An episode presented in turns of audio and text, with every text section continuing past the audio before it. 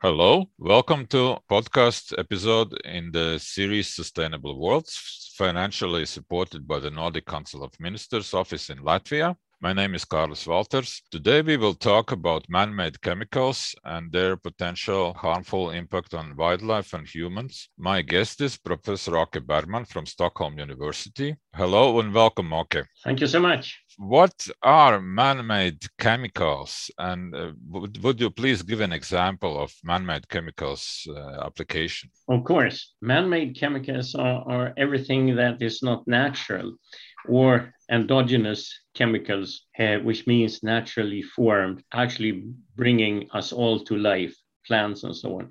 The man made chemicals can be refined from nature, like petrochemical oil, coal, and so on are refined into a number of um, chemicals, or they can be made in the lab, built piece by piece up to new molecules. So it's many of, of the uh, pharmaceutical. They can be, for example, both of natural origin and uh, they can be of anthropogenic or man-made chemicals. It's, an enormous number of different man-made chemicals. We are talking about 100,000, maybe 300,000 chemicals that are in, in commerce, some of them in, in very limited amounts, others in enormous quantities. And I'm, I'm taking a, an, an, example, the name of a person that is, is more known as the brand of a tire is Goodyear. Just before 1850s, he discovered that he could refine, remodel the rubber, the natural rubber that is more or less impossible to work with. By adding sulfur, it made it uh, possible to get a product that can be molded, can be formed, and, and actually led to the production of tires, rubber boots, and, and so on and so forth.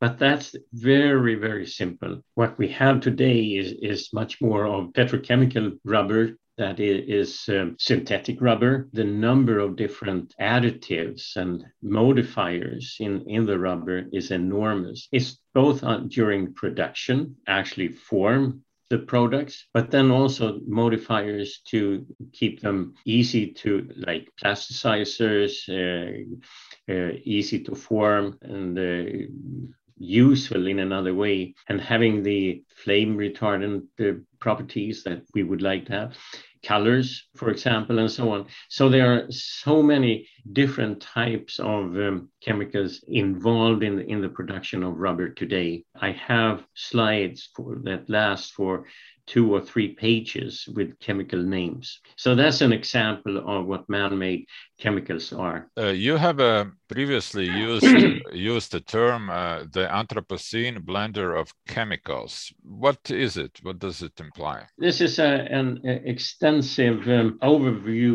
of, of chemicals that are man-made and it it's actually relates to, to the sustainable development goals from um, the United Nations because Anthropocene is the time of today, is the era we are in now, which has led to, to fantastic achievements by uh, using chemicals for uh, production of, of clean water, disinfectants, and, and so on. It's the energy production where a lot of pollutants are coming off from. Burning coal and oil is leading to, to particulate matters, but particulate matter is also chemicals. We have the uh, industry production and, and um, infrastructures that are, are giving a, a, large number of pollutants in, into the environment. And we can go on. The, the creation of, of sustainable cities is a matter of, of having less chemicals being moved to, to the environment. All what we are consuming as individuals, these are, are chemicals, approximately 100,000 chemicals that goes into the environment. And in this environment, I mean, we're talking about the air, about the water, soil, and, and sediments, what's going in, into wildlife and humans. This is where it's, it's all going to be blended. It's an enormous mixture of different chemicals in this Anthropocene. So if we had something that we more or less should know about, exactly what, what is going into the industrial production, what's coming off from the energy production and so on, goes into this blender. And out comes the problems with health, chemicals in life underwater and, and in the environment on land. And of course, we, we have the water, not the least. The water the discharges from humans and industry is also a matter of a real big mixture of chemicals. I would say that before it goes into the blender, we may actually have a chance to understand what the chemicals are that are being used. And then it goes into the blender and it comes out as an enormous mixture of everything, which will have impact not only this primary implications of, of the chemical pollutants. Next step, it, it has Im implication on poverty, gender equality, peace, justice, for economic growth. Everything goes together, which is enormously important when, when it comes to the chemical pollution. This mixture of chemicals, how does it affect? I mean, there's, uh, as you said, thousands of chemicals around us. There is this term, the cocktail effect. What does that mean? The simple way to, to explain it is really a mixture effect. The problem is that we do not know exactly what the mixture consists of. The cocktail effect is nothing but the um, health effects. It could be in, in wildlife, for plants, it can be for, for humans. The uh, legislation, the POP Convention or the Stockholm Convention on POPs talking about very persistent chemicals and uh, that is a mixture of these type of, of, chemicals that we have known for, for a long time which they are these are, are giving maybe different effects they could just be additive or they, they could inhibit the action of one another they can also promote it's very difficult to actually understand which of the chemical in a mixture that is most important or if it's the mixture as such that is giving the effect. So it's it, an extremely complicated issue. We need to learn more about how the mixtures are built up. How different are they? Are they different in Latvia to, to, to Sweden compared to, to Spain, to Japan, to Nairobi? and so on. You mentioned uh, POPs, persistent organic pollutants. So, as, as the name implies, they are persistent uh, organic uh, chemicals. So, persistence, one of the properties. What properties cells make some of man-made chemicals potentially harmful to wildlife? Yeah, I think it, it, it's important to explain a little bit about the properties of, of, chemicals because the Stockholm Convention on Persistent Organic Pollutants is more of a political definition because the persistence is built up of both chemicals being extremely stable. They do not react or, or they only react very slowly in the environment they are transformed in, in a very slow way, but they are also bioaccumulative. That means that the, the chemicals are taken up in organisms. These chemicals are fat soluble. They are very poorly water soluble in general not in all cases, but in general, that's the, the, the, property on that side. But they are also mobile, which means that they can be transported over long distances in the environment. So these are, are actually both abiotic, non-biological characteristics of, of the chemicals and bi biologically implementation of, of, the, of the chemical. In that definition of POPs, it's also said that they are toxic which means that you, you mix both abiotic properties with biological properties and where toxicology and, and toxicity is, is a, a big driver. And this is something that is, of course, as a scientist, we need to separate between these characteristics. But uh, for the convention, it's it's good enough to have it as such. What are the potential harmful effects on human health of man-made chemicals? I think we should differentiate a little bit between what the harmful effects on humans are from wildlife. I can come back to that and answer your, your questions first on the uh, potential harmful effects on humans. Humans are extremely complicated uh, animals. As humans, we are eating, drinking differently. Some people are, are smoking, others are using drugs. It could be pharmaceuticals, it can be narcotics, and so on. And that makes a big difference to what wildlife is exposed to because they do not behave as humans. They have their, another eating habit. This sad of, of the difference behavior of, of humans to wildlife. We have, of course, the same and health effects of, of, huge concern has been for very long is of course cancer but we're also talking about neurological effects autism spectrum disorders for example reproductive effects both in female and males. Immunotoxicity are really major, major fields where we have effects. We have what is being discussed much more lately uh, over the last uh, decade or so is epigenetic effects. This is effects that are lasting for long. The best example is that epigenetic effects may actually have effects on the next generation and the generation from our children. So it's transgenerational effects that we are talking about. This is effects that is not acute acute effects of chemicals is rare. It's um, something that is under very much control today, but we have the chronic effects. It plays a role when an individual is exposed and when the effects are observed. It means that effects can be observed when we grow older into the 60s, 70s. You may actually see effects of exposures during childhood or even during pregnancy. For the detailed studies, I think I, I, can give the, the examples of Professor Skakkebæk uh, in Denmark at the main hospital in, in Copenhagen. 1992, he was writing about the sperm counts, the decreasing number of sperm counts, something that a lot of other scientists refused to believe in, that this had to do with chemicals. Now, this has been going on for almost 30 years, and we see very, very clearly that the effects of, of sperm counts can actually decrease with chemical exposure. We also know which kind of, of, chemicals have an impact on sperm counts. I give you an example that is interesting also in, in relation to effects. That actually goes not for humans, but it goes for animals. And it's the alligators in North America that was identified to have shorter penises than they should have normally. They were so short that they had problems to reproduce. Of course, this is nothing that has been seen in, in humans so far, but at least it, it's something that uh, tells you that we have effects that are observable.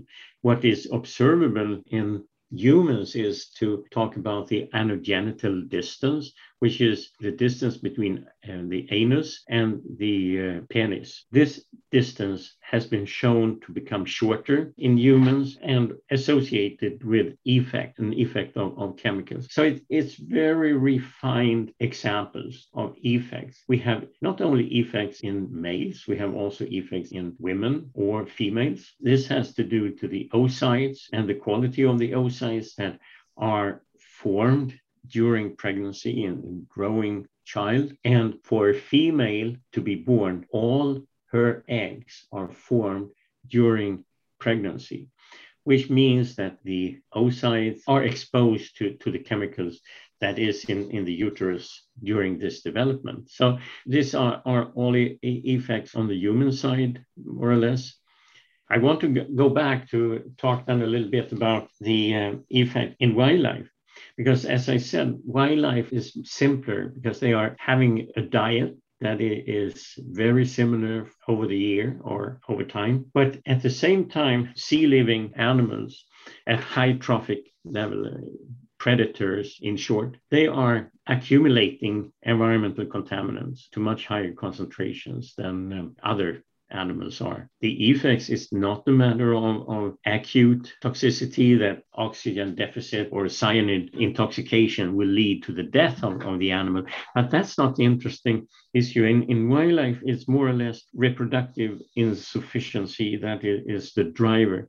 We have so many examples of how reproduction is, a, a, very, very serious effect. And I want to tell you one true story on, on this, not talking about PCBs and DDTs that is commonly done in this context. I want to go to um, a man made pharmaceutical called diclofenac. This was first observed in India, where the cow is a holy animal. So when it's dead, the carcass is left out on, on in the environment, and vultures are eating on it. The problem is, in order to get the cow healthy as long as possible, they were treated with diclofenac. And diclofenac was very toxic to the vulture. And in this case, we have an example of more or less an acute effect the vulture get intoxicated, they will not be able to reproduce, and the vulture is dying. It has gone to a level where certain species of um, vultures are almost extinct. Of course, it's more dramatic and, and different from the, the effects of DDT, for example, which is leading to reproductive failure because it has an impact on the eggshell thickness.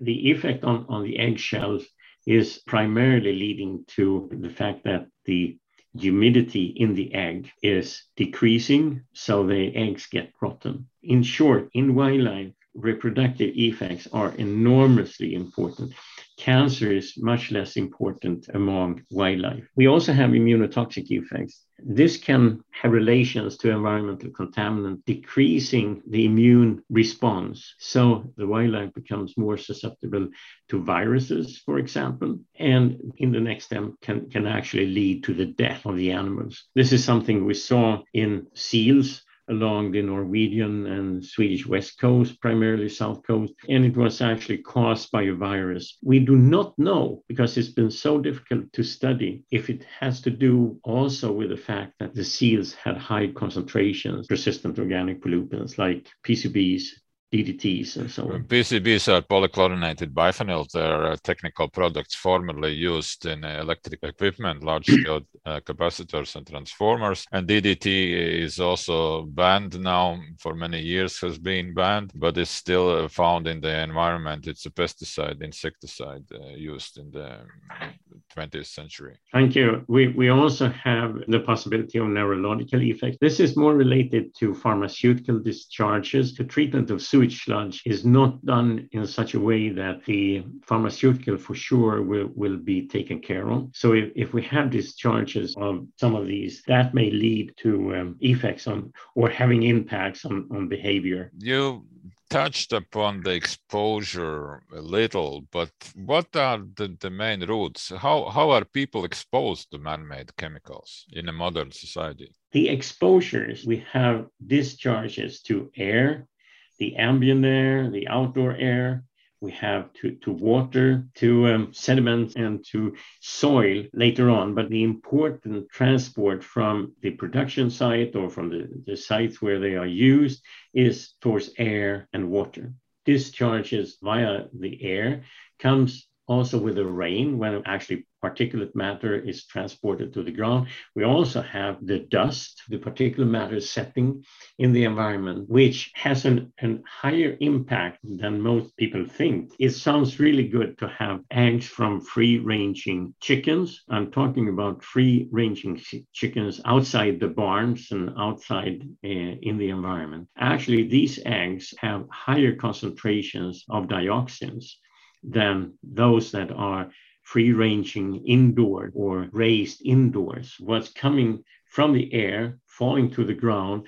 And when the chickens or the hens are, are picking sand and things in the soil, they get higher concentrations of also the dioxins into their bodies, which are transported to the eggs. It's really complicated, but this is, of course, how we are exposed in the next step. Eating eggs from free ranging chickens could be one reason for a little extra dose of dioxins compared to if we are eating eggs from, from inside.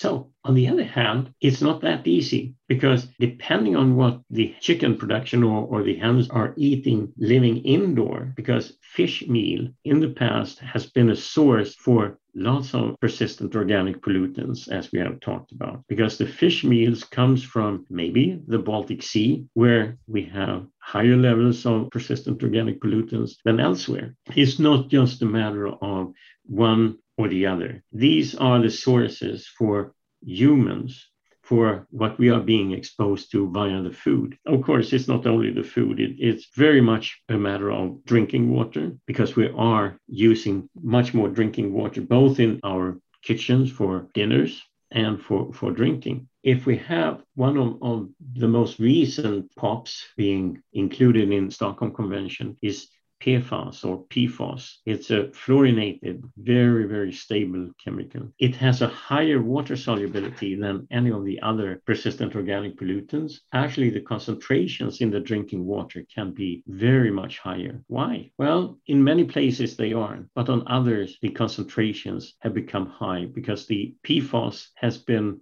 part of firefighting foams for fire brigades and not the least for airplanes and for training of the firefighters at um, airports. In a few cases, well, not only in a few, but around the world, not the least in Sweden, we have had leakage of the firefighting foam ingredients to the groundwater and groundwater that is being used for drinking water.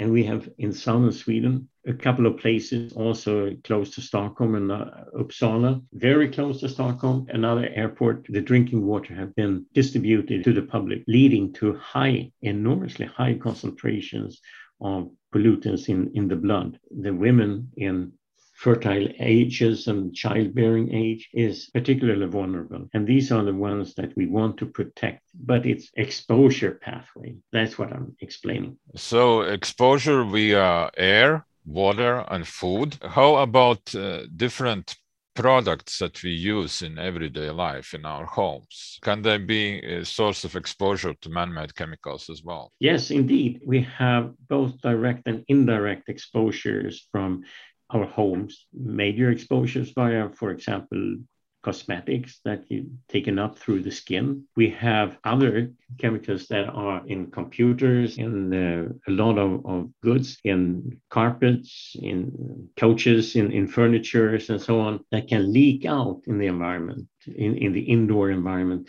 get in, into particulate matter, dust, and especially for small children, this is a pathway of exposure because they have this hand to mouth activity leading to, to ingestion of dust. And when it comes in, it's taken up through the intestine, gastrointestinal path, lead to actually higher concentrations of some brominated flame retardants like this fluorinated chemicals I just talked about, they are shown to be higher in small children than in adults. So, indeed, these chemicals are also a way of, of actually being exposed to persistent or to, to chemicals. So, uh, how do scientists study these uh, risks, these potential harmful effects to humans?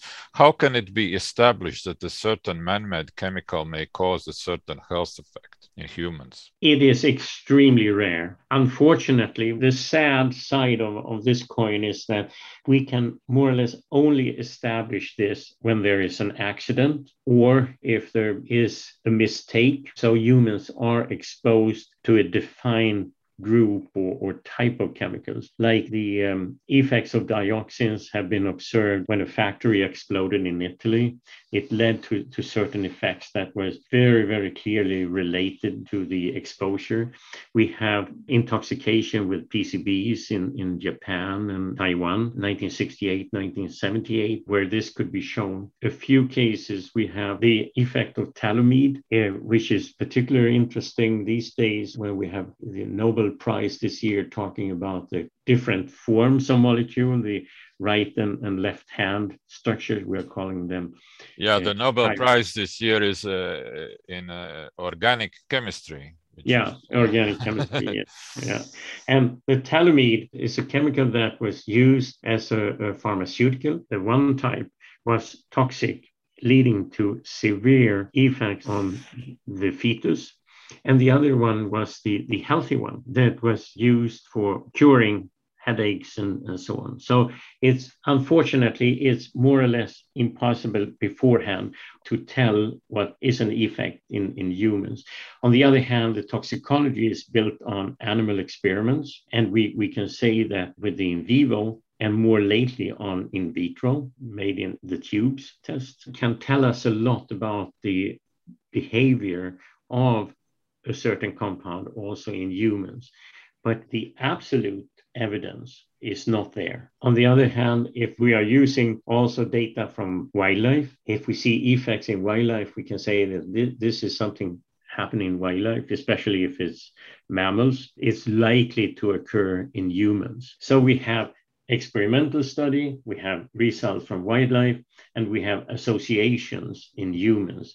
If there are associations between, for example, tremendous increase in diabetes, and we have certain data on what is causing diabetes from the cytochemicals. We may have some associations. We have associations for cancer and so on. So that is the closest we can get. So that is being done by by, by scientists and uh, turning gears uh, from the problems to solutions. So what what can be done? What what must be done about man-made chemicals to avoid risk of harmful effects in, in humans? A lot of things can be done, and we are in a situation today that we are much better off than any time before because the computational possibilities are enormous today, and we have also better understanding from the pharma side on using in silico or computational chemistry, toxicology to have very good guesses not the least, on effects for chemicals. It's more than guesses. It's, it's That's really an, ed- ed- educated guess. yeah, very educated guess. And then, of course, with the battery of, of different uh, in vitro tests, limited number of, of experimental work in animals, but also in, in, data from wildlife. We do have a better base for actions and decisions on a policy level, uh, authority level. Unfortunately, we are still limiting our studies to too few chemicals. We are not including enough of the new chemicals, of emerging chemicals in, in the environment. And I would say that we are less prospective than I would like to see. Now I'm talking about we as being a scientist. It's very difficult to actually identify which chemicals would be of major interest to look into because we do have no declaration of chemicals in materials, goods, and what actually we have a very general view of 100,000 chemicals being used in commerce, but we do not know where they are used. So it's still problematic for the majority of the chemicals to tell the next step. But we do have the methodology. So if we just had better knowledge on what is where, we have good possibilities of, of actually making judgments on what to be careful with and, and to maybe regulate. That's one thing. The, the other thing that has happened over the last few years is also a discussion of, of, grouping of chemicals. Chemicals of similar structure most likely have similar effects. And that is now being uh, discussed as a base for regulations, which I think is, is extremely clever and, and a, a good way to go you mentioned the regulators regulation. So the, the, man-made chemicals are actually regulated in the eu there is the so-called reach regulation registration evaluation authorization and restriction of chemicals. You're saying that it's a good regulation but there could be some amendments or, or... i think that reach has now been working for quite a few years and i'm happy to see what is being done. Of course more can always be done but actually this issue on, on regulating groups of chemicals, grouping, is something that uh, is driven by REACH and the activity of the uh, agency that is located in Helsinki. ECHA. More can be done, but uh, I think the REACH legislation is the best we have and has to be worked on. And of course, as you, you say, amendment are added to it. So I really hope for the best in this context. But REACH is a European legislation. This needs to actually be a legislation for the globe. That is what's being done by scientists, what's being done by regulators. Now, what can consumers do? What what can be done by, by our listeners in their everyday life to avoid exposure to man-made uh, chemicals, for instance? First step is on the Sustainable Development Goals number 12. It says responsible consumption. I think we should be careful as consumers and ask the questions if do we really need to do this? Do we need to, to do the renovation of the kitchen or the bathroom? Do we need to travel long distances uh, for leisure? Do I need a new pair of shoes? The ones I have are okay. To be really responsible consumers. And then, of course, when it comes to food, to have eco grown food is uh, a good habit indeed. Also, when it comes to your home. I know that, that this is not a popular incentive, but I suggest that it's not that bad to dust and clean the home once in a while, especially if you have small children that are on the floor. That's a, a good idea to limit their exposure to chemicals. And now, uh, my uh, final question, uh, especially for younger listeners what can a career in science offer? What, what is it that is so interesting in research? It will for sure keep you young, independent dependent on when you start. It's it's a fantastic career to take because you get into the questions of unknowns to be in, in a position where you can discover new things that will have impact for both not only understanding and knowledge, but actually for the society to drive us towards a sustainable future is just fantastic. With this end endeavor on, on uh, research, and what research is is that you have friends and colleagues around the globe. After a few years you get insights and um, understanding of different cultures. It's just a fantastic life to live as a scientist. I have done it now for many many years almost 50 years and i'm still getting up early in the morning just to work on this. It's so motivating Thank you very much, Åke, for this interesting conversation. It's, uh, I'm always happy to talk to you uh, as, as also my, my mentor. Uh, this was a, a, current episode in the podcast series uh, Sustainable Worlds, financially supported by the Nordic Council of Ministers office in uh, Latvia. My name is Carlos Walters, and my guest was Professor Åke Bergman, uh, who is professor in Stockholm and Örebro universities in Sweden and Tongji University in Shanghai, China. Thank you, and stay tuned for the next episodes.